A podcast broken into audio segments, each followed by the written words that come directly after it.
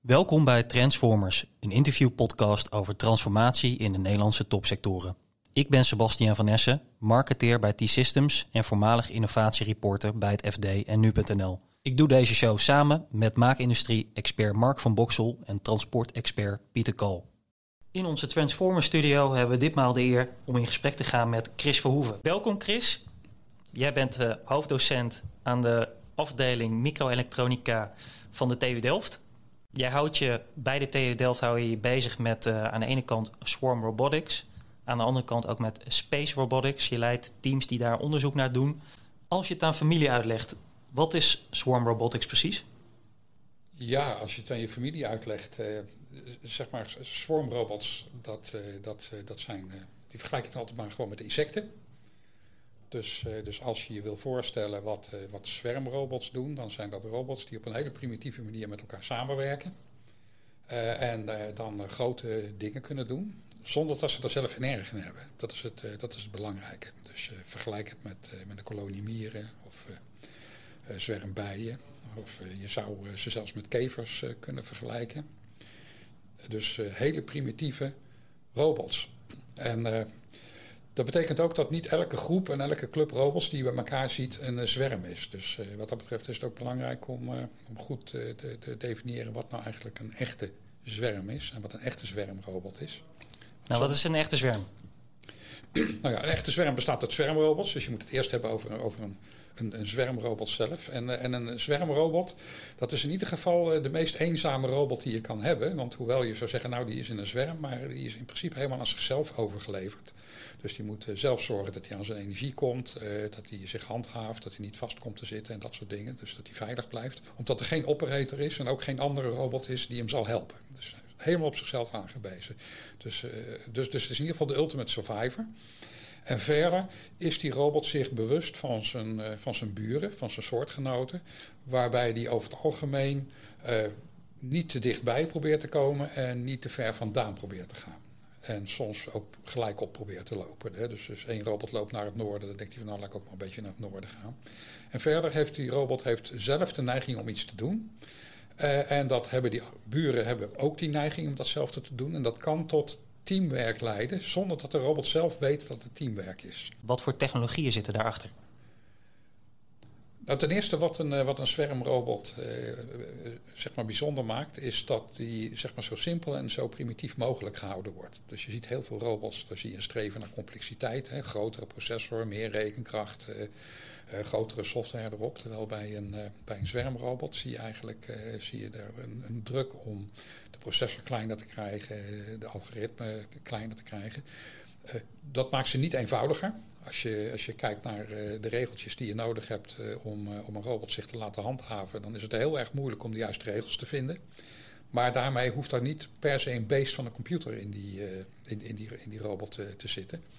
Dus primitief, goedkoop. Het moet een massaproductie zijn. Dus als ik er met de teams over praat, dan vind ik het altijd een aardige exercitie om elk getal maar met een miljoen te vermenigvuldigen. Van goh, dan moet hier een extra boutje in. Zeg, nou, wat worden dus een miljoen extra boutjes? Wat kost dat dan?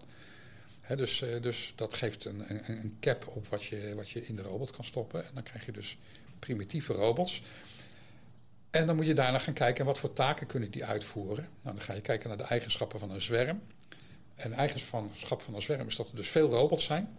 Die vervangbaar zijn, die gemist kunnen worden. Uh, en uh, die zich egaal kan verspreiden over een groot oppervlak. Dus dat betekent dat een zwerm kan overal zijn. Dus als je zeg maar, een festivalterrein hebt bijvoorbeeld, dan kan je een zwermrobot zich laten verspreiden over een festivalterrein. En dan kunnen die robots zich als een olievlek verspreiden. En dat doen ze dan alleen maar, die robots, zodat ze niet te dicht bij elkaar willen zitten, maar ook niet te ver van elkaar vandaan. Dus als je het oppervlak van het festivalterrein weet, dan weet je hoeveel robots je er ongeveer in moet duwen om ervoor te zorgen dat er overal één zit.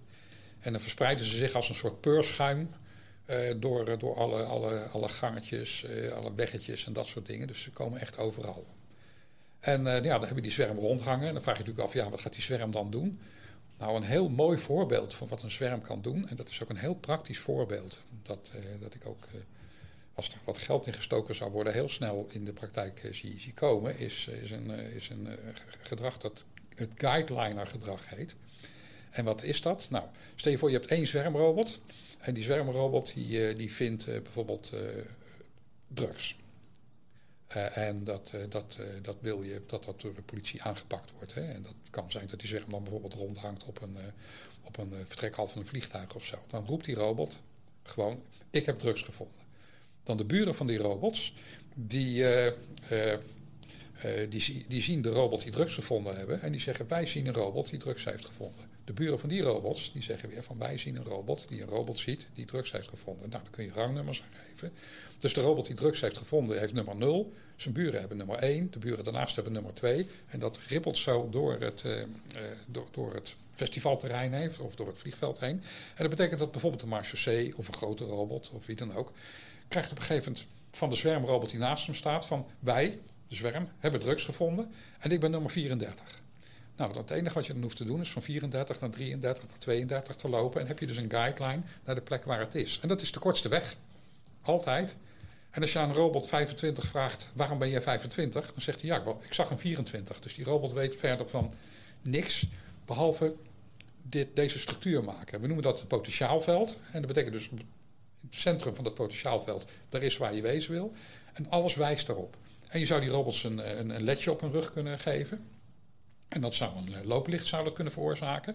En dan krijg je dus eh, gewoon een looplicht van hoge getallen naar nul. En dat betekent dat jij dan met je drugs op het vliegveld midden in een soort vuurwerk van, uh, van ledlichten staat, dat allemaal naar jou wijst. Nou, en dan is het voor politie en, en, en dat soort dingen heel eenvoudig. Loop het looplicht, looplicht maar achterna en, en je hebt de, de boel te pakken. En het mooie is, omdat de zwerm overal is, kun je er niet aan ontsnappen. Je wordt altijd gezien. Ja. Dus dat betekent een, een, een vliegveld waar zo'n zwerm rondhangt. Nou, vergeet het maar om daar naar binnen te lopen met drugs, want ze, ze pakken je altijd. Op een festivalterrein waar ik mee begon, kan het uh, andersom gaan. Dan kan het dus zijn dat, uh, dat uh, de robots weten waar de uitgangen zijn en kunnen guidelines maken naar de uitgangen. En als er op een gegeven moment paniek uitbreekt, dan kunnen ze looplichten maken. Nou, de dichtstbijzijnde uitgang. En dan kun je dus zeggen van nou, we hebben een festivalterrein, een beetje labyrintachtig en zo, zwerm erin, breekt paniek uit en onmiddellijk komen er looplichten die iedereen... Je zegt kan, het, het gebeurt nog niet? Uh, het, het, gebeurt in simulaties uh, en er zijn zwermrobots. Dus het is, uh, het is dichtbij, zeg maar. Dit is, dit is zeker geen science fiction. Dus, dus, en er, is, er zijn wat kleine spin-off bedrijfjes die kijken of ze er iets mee, mee, kunnen.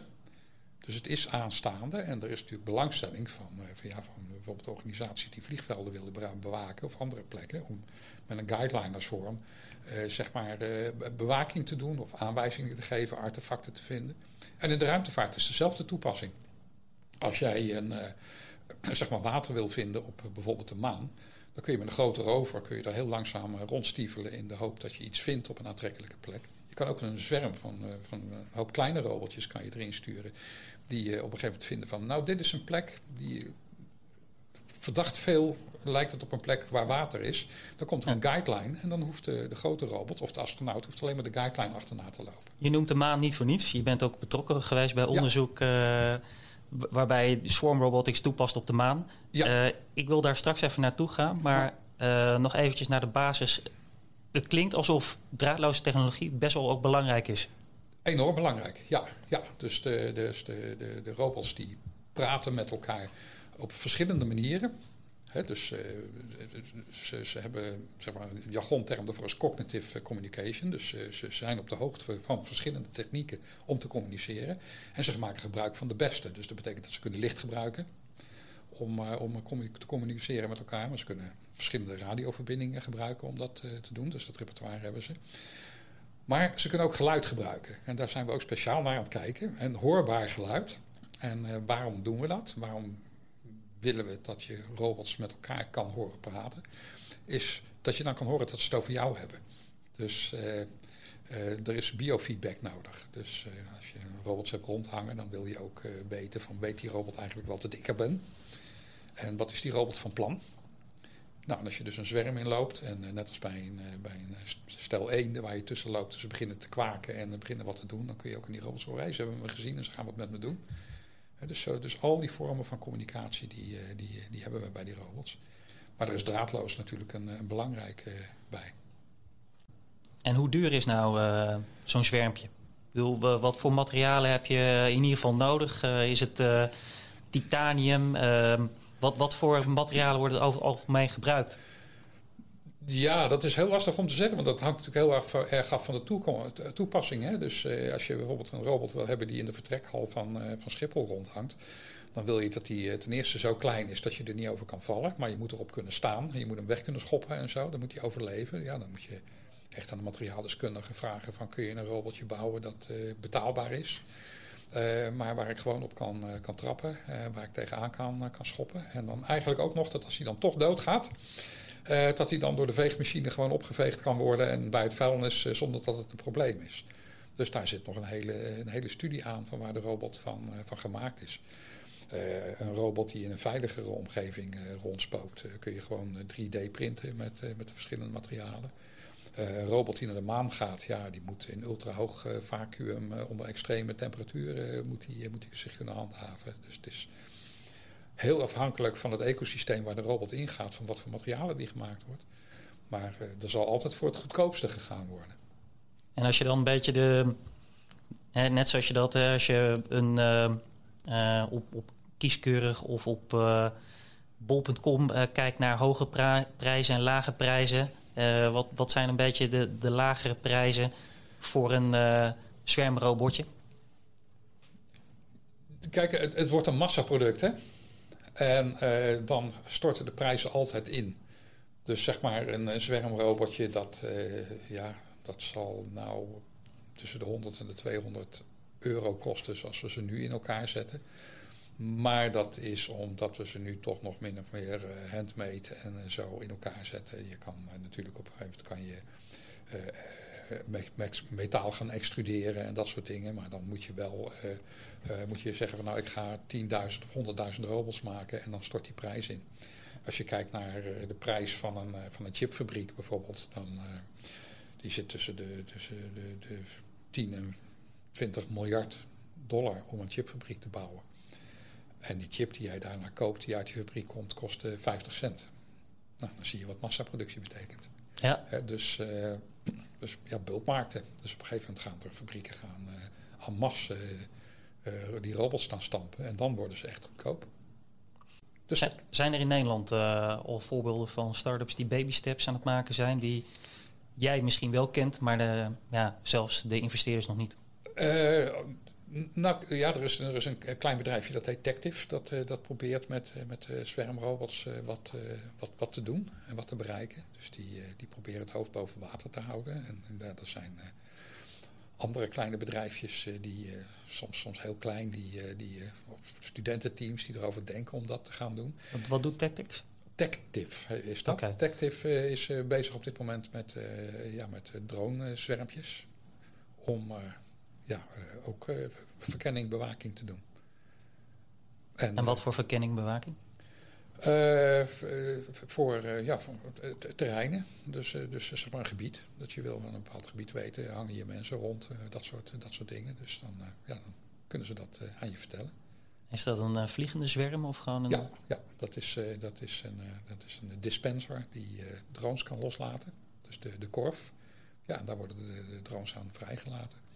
Maar ik moet wel zeggen dat, eh, dat het uh, voor alle kleine bedrijfjes en ideeën om een bedrijf te starten uh, erg moeilijk is om tot aan het product te komen. Zeg maar, er is, en dat is misschien wel een, wel een bericht voor de, voor, de, voor de investeerders, waarbij misschien de grootste investeerder de, misschien gewoon de overheid is. dat is, ik weet niet of TRL-niveaus jou iets zeggen. Dus, Helemaal niet. technical readiness level, die gaan van, ah, 1, van 1 tot 9. Dus uh, één uh, is uh, leuk idee. Negen is performant in de market, duidelijk. En, en zeg maar op een universiteit werken we typisch tot TRL-niveau 4 zo'n beetje. Dus dat betekent is dat je kan naar Delft komen en dan kun je de robots zien werken. Dus in principe het gaat. proof of concept. Uh, en dan TRL 5, uh, dan uh, ook nog in een beetje realistische omgeving is dat gebeurd. Maar iets wat de markt op kan is uh, TRL 7 of TRL 8. En tussen TRL 4 en TRL 8 heb je nog geen echte klanten. Want je moet nog heel veel doen om ervoor te zorgen dat je product dat verkocht kan worden. Maar je kan er niet meer papers over schrijven en dat soort dingen. Want je moet gewoon, gewoon werken om het gewoon product volwassen te krijgen. En daar zit dus een zogenaamde gap of depth. Ja, wat voor grote aan investeringen gaan het dan die ze dan nodig hebben om dat uh, te overbruggen? Oh, dat kan, dat kan over, over miljoenen gaan die er nodig zijn om een product, product goed neer te zetten. En je ziet vaak dat een bedrijf een start-up grant krijgt. Weet je, dan krijgen ze twee ton of vijf ton. en dan kunnen ze iets neerzetten, hebben ze een proof of concept. Maar ja, dan hebben ze theorie 4, theorie 5 gehaald. En dan? Dan moet er nog van alles gebeuren om het product te krijgen. En er is in Nederland eigenlijk eh, niet echt een financieringsmechanisme om, om van 4 naar 8 te komen. Dat wordt ook officieel wel erkend hoor. Ik heb, eh, ik heb zelfs een keer een voordracht gehad in, eh, in Den Haag bij Kiwi, waar ook een dame uit Brussel was, die, die zelfs erkende, ook Brussel weet, van er is geen financiering om van 4 naar 8 te komen. Dus je kan heel veel leuke financiering krijgen als je een schattige nieuwe spin-off bent met een leuk enthousiast bedrijf. En dan krijg je prijzen en dingen en dan win je een award. En dan zit je op vijf en dan uh, ja, word je gevraagd om een, uh, om een, uh, een businessplan te maken. En dan is de vraag, wie zijn je klanten? Ja, zeg ja, ik denk dat ik over drie, vier, vijf jaar klanten heb. Nou, daar ga je. En dan krijg je mensen als Musk, die dan denkt, oh, toch wel een leuk idee. En die stopt er gewoon geld in. En hij is uh, uitgelachen met zijn elektrische auto, hij is uitgelachen met zijn raketten. En kijk nu. Hè, dus, uh, ja. en, en, daarna gaan we in Nederland lopen klagen dat de techreuzen met alle innovaties weglopen. Ja, nou, we moeten wel wat meer uh, miljonairs, biljonairs hebben met ook een markant, markante persoonlijkheid. Dat is natuurlijk wel een markante persoonlijkheid, Elon Musk. Ja, ja precies. Maar, en, zit dan aan de andere kant. En ik denk dat ze over de oceaan ook wat minder bang zijn om te investeren in, eh, in, in dit soort kleine bedrijven. Daardoor zie je die eh, beter functioneren. Hè. De, zeg maar, hier hebben we dan de neiging van, goh, ik moet eh, drie keer een miljoen euro geven. Of tien keer een miljoen euro geven. En ik ben dadelijk ben ik 9 miljoen kwijt. En dan 1 miljoen levert uiteindelijk 100 miljoen op. Maar dat, in eerste instantie die 9 miljoen kwijtraken vinden we vervelender. dus en de Nederlandse maakindustrie, uh, hebben die niet interesse om mee te investeren? Nou kijk, er, was, uh, er, was, er, is natuurlijk een tijd geweest dat je het Philips Natlab had in Eindhoven. Waar de mensen gewoon mochten freewheelen. en uiteindelijk zijn daar heel veel dingen uitgekomen die nu megaproducten zijn. Die al, al tien jaar daarvoor in dat lab rondhingen, waarbij iedereen zei dat is onzin. Ik kan me zelfs wel herinneren in die tijd dat ik, dan kwam je in bijvoorbeeld in Nijmegen en uh, dan bij de fabriek. En dan zei ze, ja, daar in Eindhoven zitten ze allemaal te klooien en te knoeien. Ze weten niet wat business heeft en we hebben er niks aan en zo. En, dat... en, en ja, en op een gegeven moment is dat onder controle gebracht.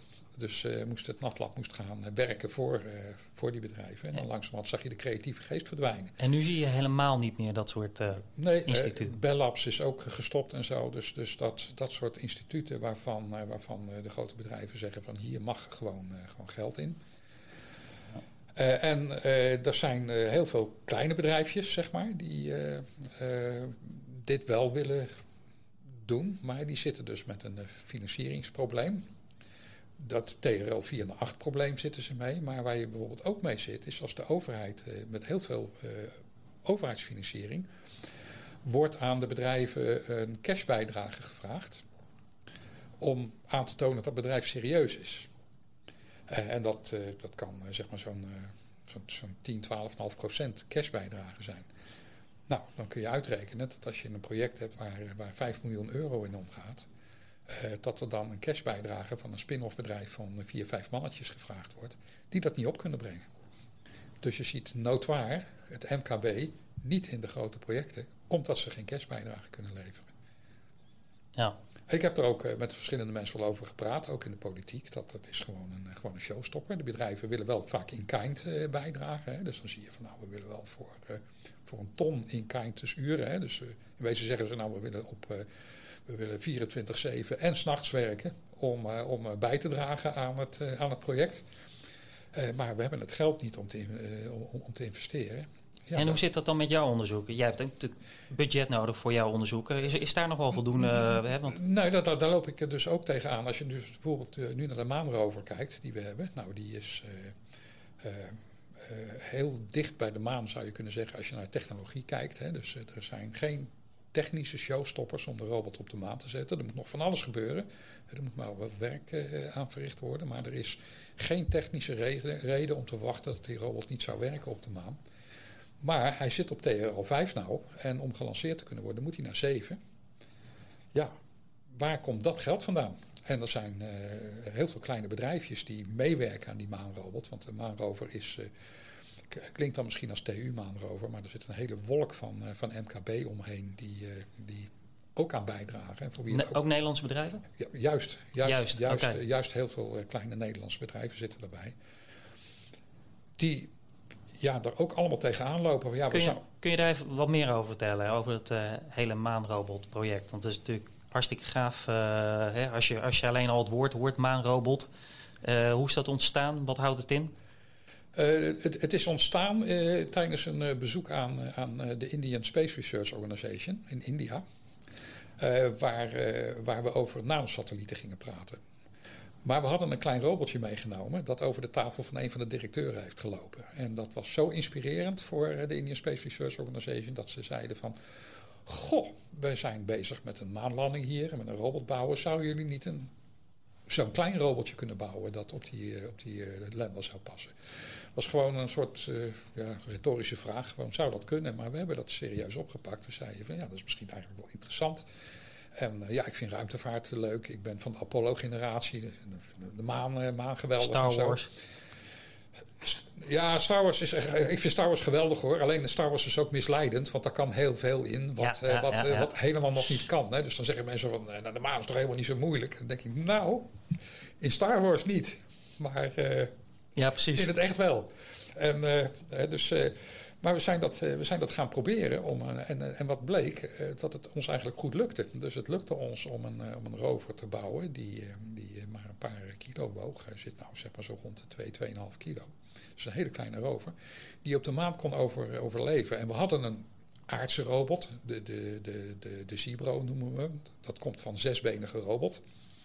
Die weer geïnspireerd is op de Rex uit de Verenigde Staten, die gebouwd is als unstoppable robot. Dus een robot die altijd door een terrein kan komen. Dus niet het, het snelste, niet het efficiëntst met zijn power, maar gewoon nooit vast. Nou, dat was uh, die Ultimate Survivor, moest natuurlijk naar de maan, die je niet, niet goed kent. En zo zijn we dus die robot gaan bouwen. En uh, ja, en dat is met, uh, met behulp van, van veel kleine bedrijfjes in de ruimtevaart en zo, zijn we dat gaan doen. Dus hoeveel, heel... hoeveel bedrijven spreken we over?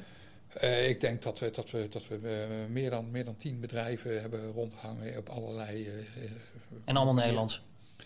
Ja. Allemaal uit de buurt van Delft bijvoorbeeld? Of, mm, niet, niet per se. Maar er zijn natuurlijk in, in, in Noordwijk zijn, eh, zijn, zijn bedrijven. Oh ja. we hebben ook hulp van de Leidse Instrumentmakerschool, waar, waar zeg maar, mensen rondlopen die mechanische systemen kunnen maken. Die, dat is ongelooflijk.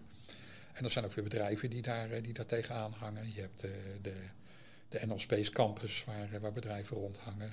maar er zijn ook wel grotere bedrijven die, die, die raad geven en, en, en, eh, en hulp. Welke zijn dat? We hebben TNO, we hebben Airbus. Dus zeg maar, dat zijn de, de, de, de, de, zeg maar grotere sponsors. maar er is een hele trits van namen. Hè. Dus ik, ja. als, als mensen willen weten wie er allemaal aan meedoen, we hebben Zibro.space. Ja, ja, ja oké. Daar, daar, kun je het allemaal vinden. Ik, ik, Hoe spel je dat? Zibro is van zesbenige robot, dus Z-E-B-R-O. Space. Oké. En daar kun je alles, eh, alles vinden over de, over de robot.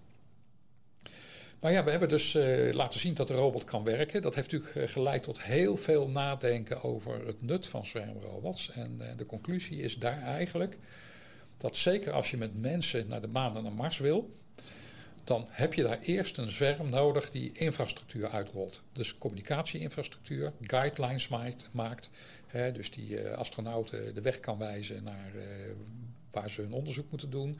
Uh, die ze de, de, de uitgang van lavatunnels en grotten kan, kan, kan wijzen. En die gewoon kan zorgen dat er gecommuniceerd kan worden. En genavigeerd.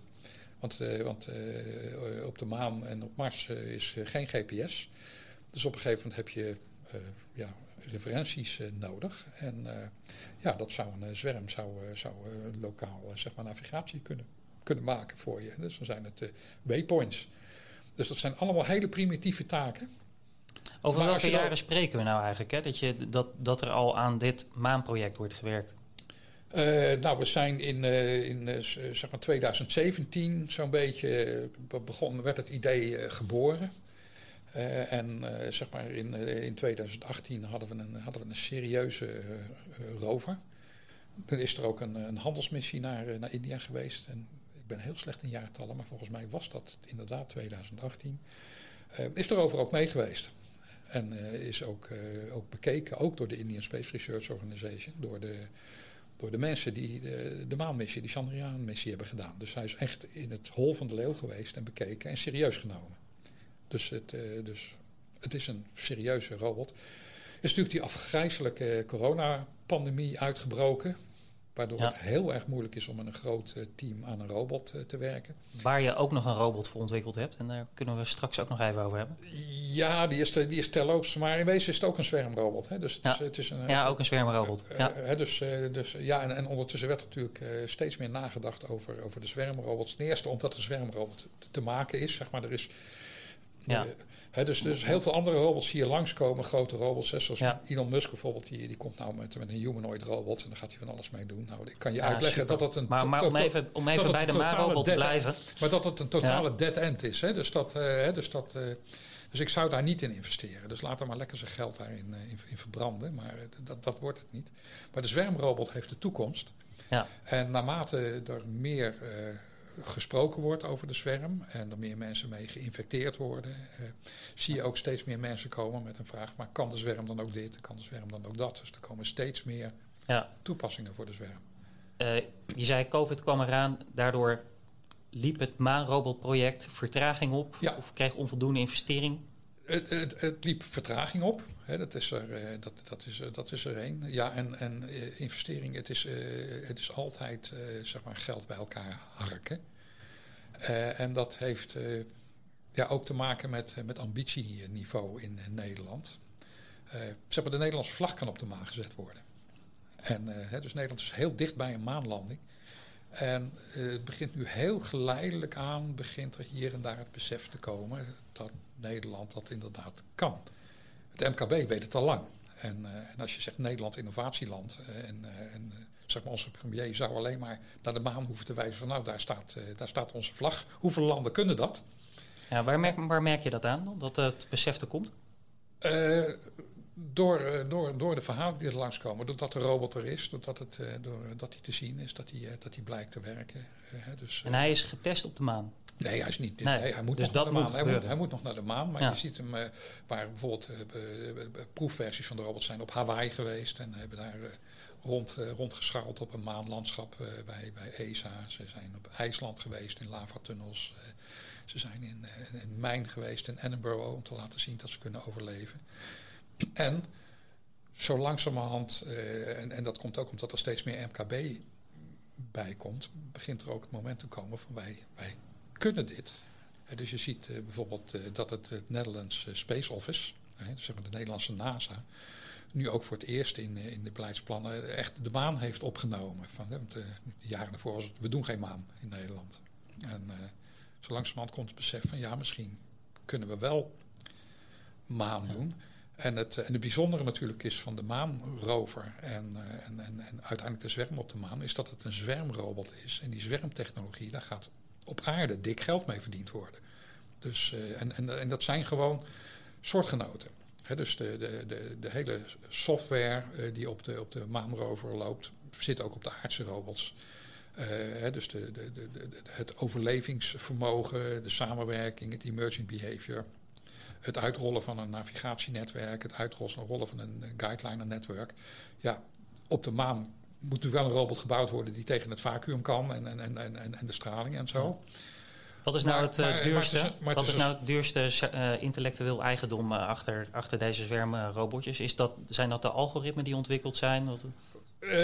nou, dat is ja, weet je, daar, daar, nee, ik denk niet dat het het duurste is. Zeg maar, dat, dat wordt door, door studenten gedaan, afstudeerders, soms een promovendus. En als je okay, op, ja. en als je op, op tijdschaal, op, op financiële schaal kijkt, dan is een promovendus is niet vreselijk duur. Hè. Dan heb je uh, het over uh, 300.000 euro. Zo heb je een promovendus uh, werken in een, in, een, in, een, in een project.